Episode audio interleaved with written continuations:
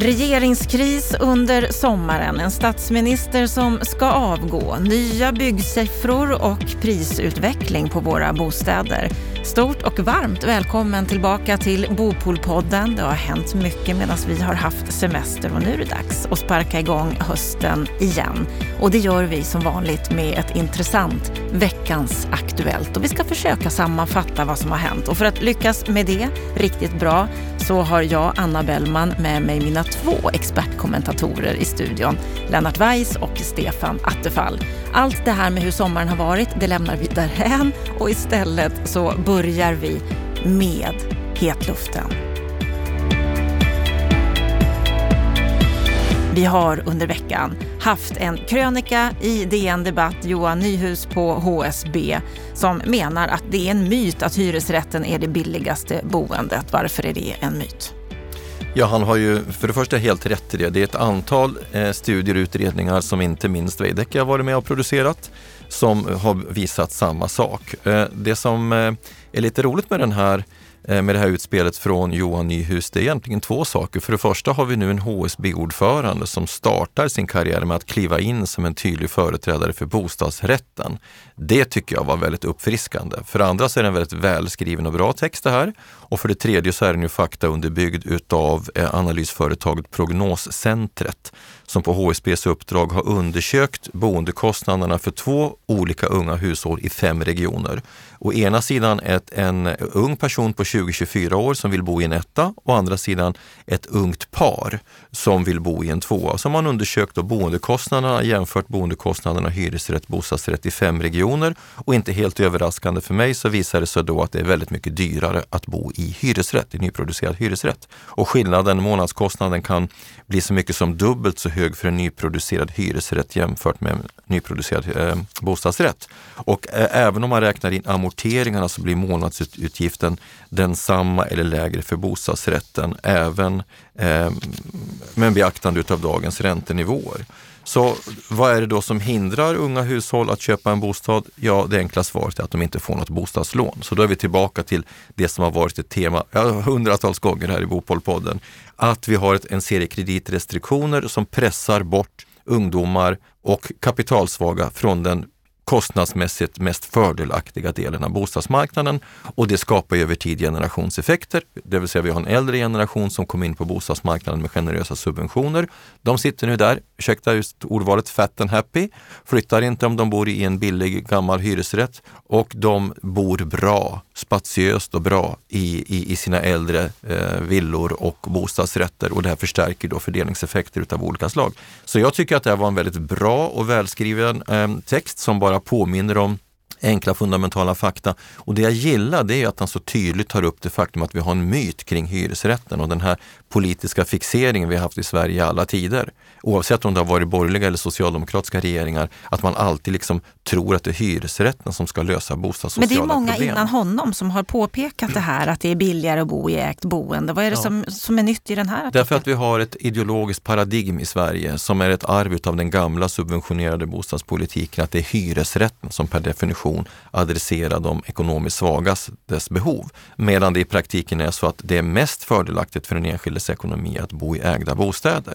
Eh, så det här är för oss tre som sitter i den här studion inget nytt, men, men det verkar fortfarande vara svårt att slå igenom eh, det här ideologiska pansaret som omger eh, den här debatten. Det, det, därför är det en myt. Det är ju inte alla som håller med honom. Det har kommit en replik av Marie Linder. Ja, det har kommit en replik av Hyresgästföreningens ordförande Marie Linder som ju gjorde att jag satte kaffet i vrångstrupen i morse. Därför att här repeterar man ju delvis helt felaktiga påståenden som gör mig en smula upprörd. Det första påståendet som hon driver där, det är ju att det finns internationella erfarenheter som visar att eh, riktade stöd till svaga grupper skulle driva eh, boendekostnaderna, eh, alltså bostadspriserna. Och det är klart att i någon mening kan man väl säga så här då att alla typer utav stöd till en sektor driver ju underliggande priser och kostnader. Kan, så kan man säga, men då kan man ju rikta samma invändning mot, mot investeringsstödet, eller hur? Det är också en typ av stöd till en sektor. Men i det här fallet så stödjer man sig på en utredning som, som man gjorde tillsammans med Ramboll för, och, och som, eh, som deras eh, chefsekonom Martin Hoveberg gjorde en stor sak av på, på SvD Brännpunkt för ungefär ett år sedan. Och jag läste ju sen rapporten och sen hade jag kontakter med till Ramboll mycket synnerligen associerade personer som ju helt eh, tillbakavisade Hovebergs påståenden. Utredningen visar att det faktum är på det sättet att, att subventionerat bosparande och syn, i synnerhet startlån till unga har en tydlig positiv fördelningspolitisk effekt. Och det säger sig ju självt. Om du stöttar en grupp i en bostadsmarknad så spelar det ju ingen större roll om bostadspriserna på marginalen skulle öka. Det är ändå den gruppen som får ett stöd i, som i förhållande till de andra ger dem en konkurrensfördel att komma in på marknaden. Och det är ju det som är hela syftet. Att ge unga och kapitalsvaga en förbättrad möjlighet att komma in på bostadsmarknaden. Så den här dolda hänvisningen till Ramboll-analysen är rent nonsens. Det är vi rent kan nonsens. Med andra det är ord oseriöst. Med, vi kan med andra ord räkna med att det kommer bli ytterligare Ja men alltså det är rent oseriöst att hänvisa till det där. Och, ja. Mm. och den, den, andra saken det är att man upprepar ett mantra som man upprepat så många gånger från Hyresgästföreningen och där, delvis även Sveriges allmännytta, att man bör, själv börjar tro på sin argumentation trots att den är väldigt svag. Och det är resonemanget om att hyresrätten skulle vara dyrare till följd av skattemässiga skevheter. Okej, okay, det finns tre statliga utredningar som har analyserat det där. Två tillbakavisade påståendet, en av dem hävdade att det ändå fanns substans i det hela. Och, den, och, och sen har vi då en, har, har, just den här frågan drivits vidare utav den akademiska duon eh, Kopsch och Bengtsson nere i Lund som har analyserat det här noggrant och mycket riktigt säger att det kan finnas stöd för påståendet att det finns en skillnad i, i boendekostnader mellan hyrt och ägt som kanske uppgår till 2 till 3 000 kronor per kvadratmeter och år. Men det de ju sen har dissekerat det är hur stor skulle den skattemässiga effekten vara utav den skillnaden och kommer fram till att det handlar om kanske 2 till 300 kronor. Alltså en försvinnande liten del av den här skillnaden man hela tiden lyfter fram. Och, och eh, det gör ju att Eh, men, men, men, den typen av analyser väljer ju Hyresgästföreningen aldrig att gå in i eller att referera till utan man använder sina slabangargument va? Och, och, och, tar en tydlig position i debatten. Men faktamässigt så står de ju på väldigt svag grund och det här kommer att straffa dem i sinom tid. För ju närmare vi kommer pudens kärna, om det tillsätts någon statlig utredning eller vad det nu är kring där, så kommer det att visa sig att deras påståenden är felaktiga. Och jag vill bara avrunda den här biten med att säga så här. Det är väldigt svårt att jämföra skattemässiga skillnader och eller jämföra hyresrätt och bostadsrätt utifrån skattemässiga aspekter. För det är helt enkelt grundläggande skillnader mellan inkomstskatt, fastighetsskatt och kapitalbeskattning. Vi kan säga så enkelt som så här. Det är väl inte så konstigt att du, Anna, har avdragsrätt för skuldräntor därför du har ju en kapitalkostnad, men det har ju inte en hyresgäst. Utan istället är det ju då fastighetsägaren som har de här effekterna. Och det där vill Hyresgästföreningen aldrig riktigt inse utan de kör en ganska slafsig argumentation som kommer att slå tillbaka mot dem i sinom tid. Det jag tycker är särskilt pinsamt med det här, det är att Marie Linde så sent som 2018 var för startlån och subventionerat bosparande inom ramen för den socialdemokratiska expertgruppen. Men minnet verkar kort. Ja, det är ju härligt att känna att vi har börjat höstterminen på högt tempo och med en Lennart Weiss som verkligen är på hugget. Välkommen in i matchen säger jag nu då till Stefan Attefall, för nu ska vi gå vidare och prata om nästa ämne i veckans Aktuellt, nämligen en debattartikel i Expressen där Villaägarnas Daniel Liljeberg, som är samhällspolitisk chef där, kritiserar Stenevi för att byggbranschen behöver bygga mer i trä. Stenevis egen politik kräver mycket cement. Vad är det mm. som det menas här? Det är ett kul grepp faktiskt tycker jag från Daniel Liljebergs sida där eh, han eh, tar fram ett citat av eh, Märta Stenevi där hon säger att byggbranschen måste ställa om nu på grund av cementkrisen som är nu. Och eh, hon klagar på en bransch som är full av tradition som är väldigt cementberoende. Och då gör han en poäng av att peka på att just Miljöpartiets politik kräver ju faktiskt att vi ska bygga massa nya vindkraftverk. Och enligt prognosen så ska vi bygga 4 000 nya vindkraftverk som kommer att kräva 550 kubikmeter betong. Eh, vi ska bygga höghastighetsjärnväg som kräver enorma mängder av cement.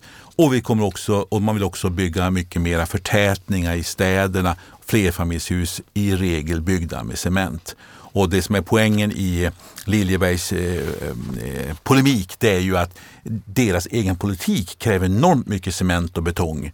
Och han då självklart som företrädare för villaägarna förespråkar då småhusbranschen och trä i trä som då både är klimatsmartare och kräver mindre betong. Och det är också så att 50 procent av exempelvis en nyproduktion av ett hus, eh, då uppstår klimateffekten i produktionsledet. Så att hur du producerar ett hus är faktiskt ganska viktigt ur klimatsynpunkt.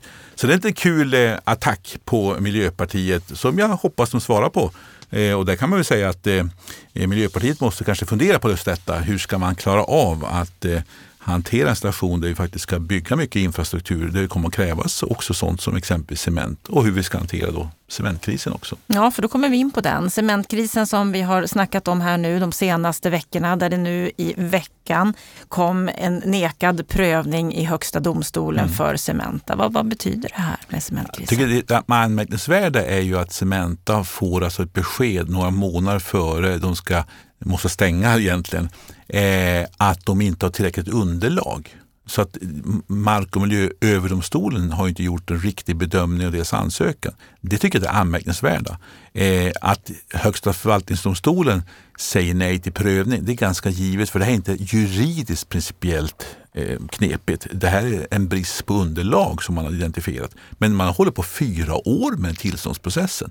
Varför kom inte den beskedet mycket, mycket tidigare? Och det är det stora haveriet tycker jag. Det är att miljöprövningsprocesserna tar så lång tid och är så komplicerade som man inte klarar av att leverera sådana här besked i tid. Hade man krävt in underlag i tid och sagt att det här måste vi veta mer om, då har man kunnat leverera det och få en saklig prövning och sen har man kunnat värdera, är det här eh, bra ur miljösynpunkt eller inte? Men vad betyder det här för branschen? Ja, det innebär att de här nio månaders respiten man nu har fått som regeringen fixar fram, den kommer inte att gälla. För nu måste man ta om, göra ett omtag i ansökningsprocessen och då kommer nio månader innan fort snabbt iväg. Så att regeringen står nu med eh, eh bollen igen om några månader och måste antingen förlänga det här, vilket är ett haveri i sig. För det är ju inte bra. Är det miljöfarligt, då ska man inte fortsätta. Är det miljötillåtligt, då ska man få fortsätta och få långsiktiga spelregler. Men får jag flika in som branschrepresentant här att... Jag tror är som sommargotlänning. Om, om, om, om eh, det skulle bli så att eh, Cementa inte kan leverera cement om 8-9 månader så kommer konsekvenserna att bli väldigt, väldigt stora. Jag kan säga att vi som byggföretag sitter redan nu och konsekvensanalyserar och vet att vi inte kommer att kunna leverera eh, till ett stort antal av våra kunder. Och det kommer få väldigt stora konsekvenser både för bostadsbyggandet och infrastrukturbyggandet. Hur stora konsekvenser kan det bli? Eh, ja, det är väldigt mycket, många projekt som kommer att skjutas på framtiden, väldigt många bostäder som inte kommer att byggas och väldigt många infraprojekt som måste skjutas på en osäker framtid och därmed så kommer det leda till uppsägningar i den här byggindustrin. Eh, och, och, det kommer leda till, eh, till effekter på samhällsekonomin i form av inbromsad eh, ekonomisk utveckling etc. Det kommer helt enkelt bli ett jävla liv om alla de trafikstockningar som uppstår i den här sektorn. Det kommer bli uppenbart hur fundamentalt det är. Och det, och det tillståndet kommer att bestå under en två, tre, fyra år till dess att leveranskedjan, alternativa leveranskedjor har skapats. Så att det är ingen marginell eh, sak som vi har att hantera här just nu. Sen kanske jag kan tycka att eh, från båda sidor har debatten nivån varit något eh, eh ska säga, skrikig. Det finns behov att nyansera de här frågorna i många olika hänseenden. Jag tycker Stefan gör flera bra kommentarer kring det hela. Eh, men, men man kan ju säga så här, Sverige har ju också målat in sitt hörn som har gjort sig beroende utav cementbrytningen på Gotland. Vi har vetat ganska länge att det, är en ändlig resurs. Man kan inte gräva ut hela norra Gotland så att säga. På sikt så måste det här ersättas av något annat. Det finns alternativa kalkfyndigheter i Sverige. Men tillståndsprocesserna som Stefan säger är ju så långa och osäkra att man helt enkelt inte har startat prospekteringen utav dem eller utvecklingen av de, de nya alternativen. Och det är ju i sig också ett politiskt misslyckande. Vi har en urusel gruvpolitik i Sverige och det måste man faktiskt göra någonting åt. Mm, någonting som vi verkligen kommer att följa med lupp. Vi ska gå vidare för det har kommit nya byggsiffror mm. från SCB. Vad, vad visar de? De visar ju faktiskt att det går bra för byggandet av bostäder. 34 300 lägenheter har påbörjats under första halvåret 2021 vilket indikerar bra siffror för hela året. Och man kan säga att den nedgång som kom av byggandet efter 2017, kreditrestriktioner med mera så har man nu börjat återhämta sig igen och eh, det rullar på bra. Även eh, småhusbyggandet ökar men det är klart att det är ju på en mycket, mycket låg nivå både som andel av totala byggandet och totalt sett. Och det är också en klar majoritet hyresrätter som byggs återigen. Det också finns en missuppfattning i debatten att det ska byggas mer bostadsrätter. Och så. Det är en majoritet hyresrätter har varit så under flera år eh, som byggs. Och så ser man också regionalt att det är ju faktiskt eh, vissa regioner som det verkar vara bra fart i medan andra inte alls är så imponerande. Exempelvis så är ju det svagare byggande i Storgöteborg eh, 2021 än 2020 samma period. Medan det ångar på bättre då i Malmö och eh, ute i riket i övrigt. Så det finns regionala skillnader också, men de kan ju också ibland vara tillfälliga. ska man också ha klart för sig. Men det ser bra ut och det rullar på ganska friskt. Eh, kommer då cementkrisen som ett hot så kan det här få ett ganska stort eh, stopp. Det blir en stoppboll i systemet. Mm. Mm. Då kommer vi in på det här med prisutveckling. Den har ju varit stigande under pandemin. Hur har det sett ut nu i sommar? Det finns väldigt tydliga tecken på att bostadspriserna är på väg att eh, bromsa in. Det ser man i faktisk statistik, men man kan också se det i hushållens förväntningar om prisutvecklingen framåt. Och det, det vi har tagit del av under veckan det är ju Erik Olssons bostadsindex som görs av deras chefsanalytiker Johan Nordenfelt som ju väldigt kort refererat visar att bostadskonsumenternas förväntningar på bostadspriserna framåt bromsar in kraftigt. Och, och, det kanske logiskt och på sitt sätt kanske också välkommet efter en period av, av kraftig pristillväxt. Å andra sidan, om jag får bara göra en kommentar om priserna, så, så, så, så börjar ju allt fler förstå att den här snabba prisutvecklingen vi har haft under ett par år dels har varit en konsekvens av de här enorma penningpolitiska stimulanserna som någonstans söker sig ut i fastighets och bostadssektorn.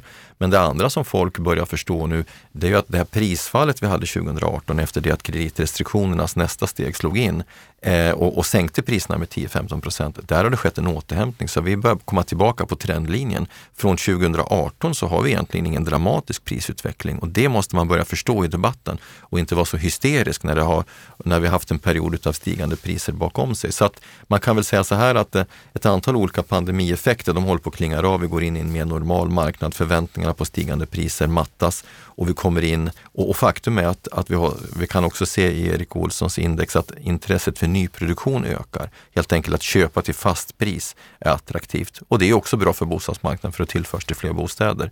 Så att för mig är det här inga sensationer och det gör förhoppningsvis också att media lugnar ner sig lite och, och, och börjar analysera saker på ett mer sakligt sätt än vad man har gjort under en period. Mm. Det som är nytt som kommer här nu, det är ju att amorteringskravet återinförs. Det har ju pausats under pandemin. Vad kommer det att innebära?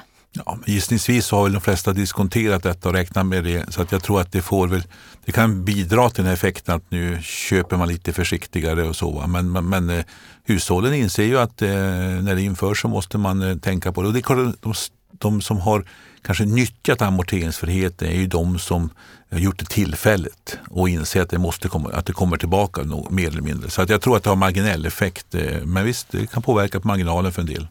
Och vi har en annan sak som har hänt här under sommaren, en regeringskris av rang och vi har en statsminister som har valt att avgå eller kommer att avgå här i november. Vilka effekter kan det här få på bostadsbyggandet, att det händer så mycket på riksnivå?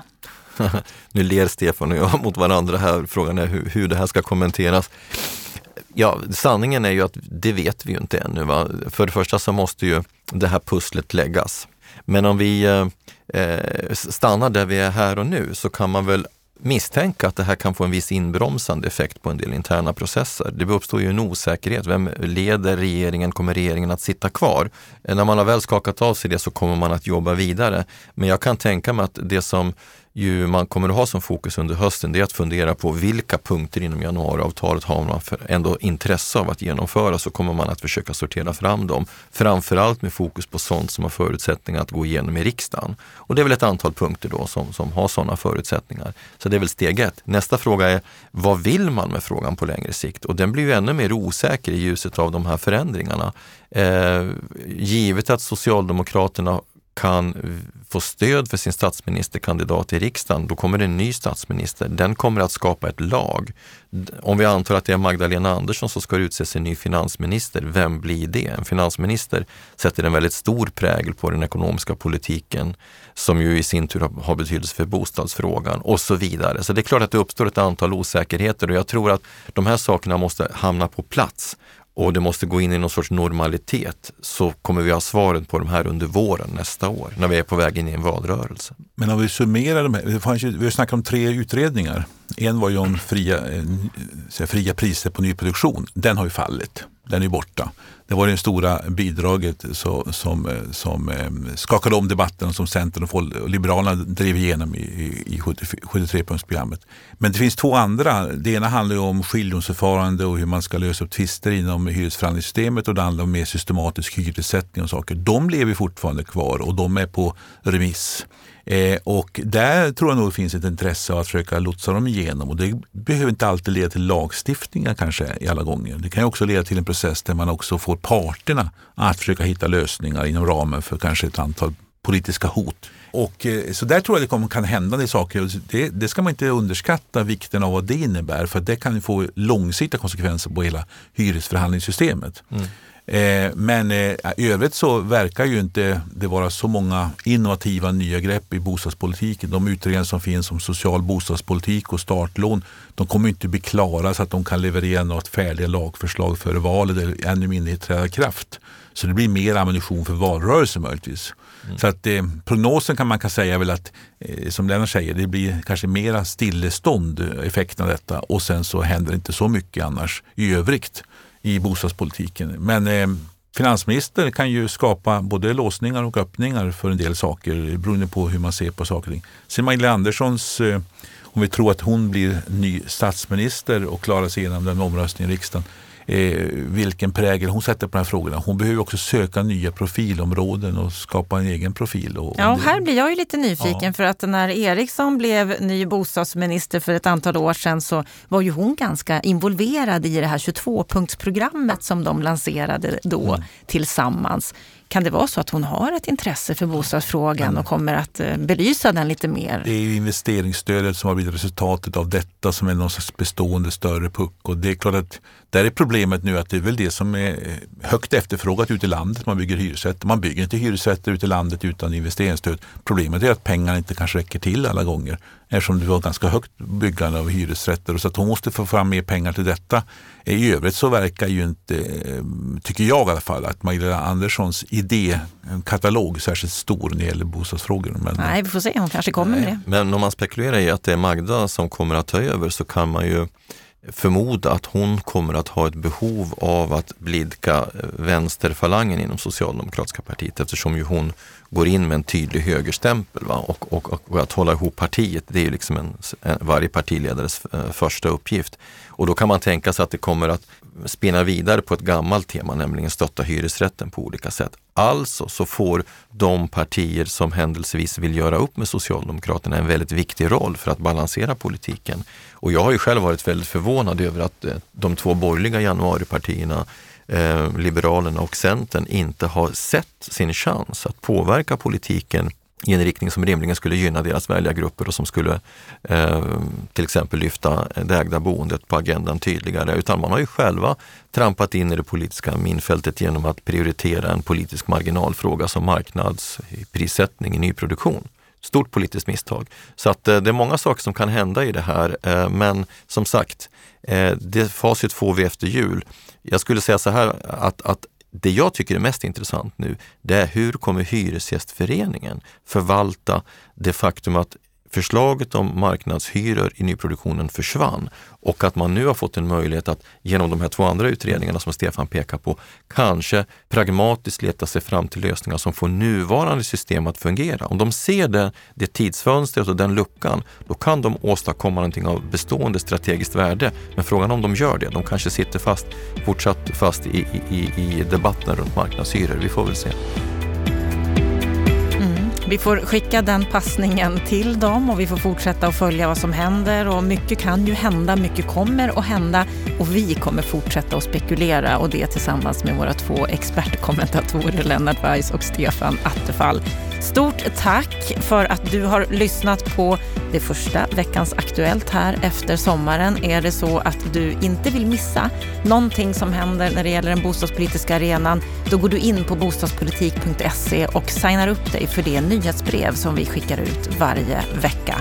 Med detta så önskar vi dig en trevlig helg och missa inte vårt program på måndag. Då kommer vi berätta om en ny rapport. Trevlig helg!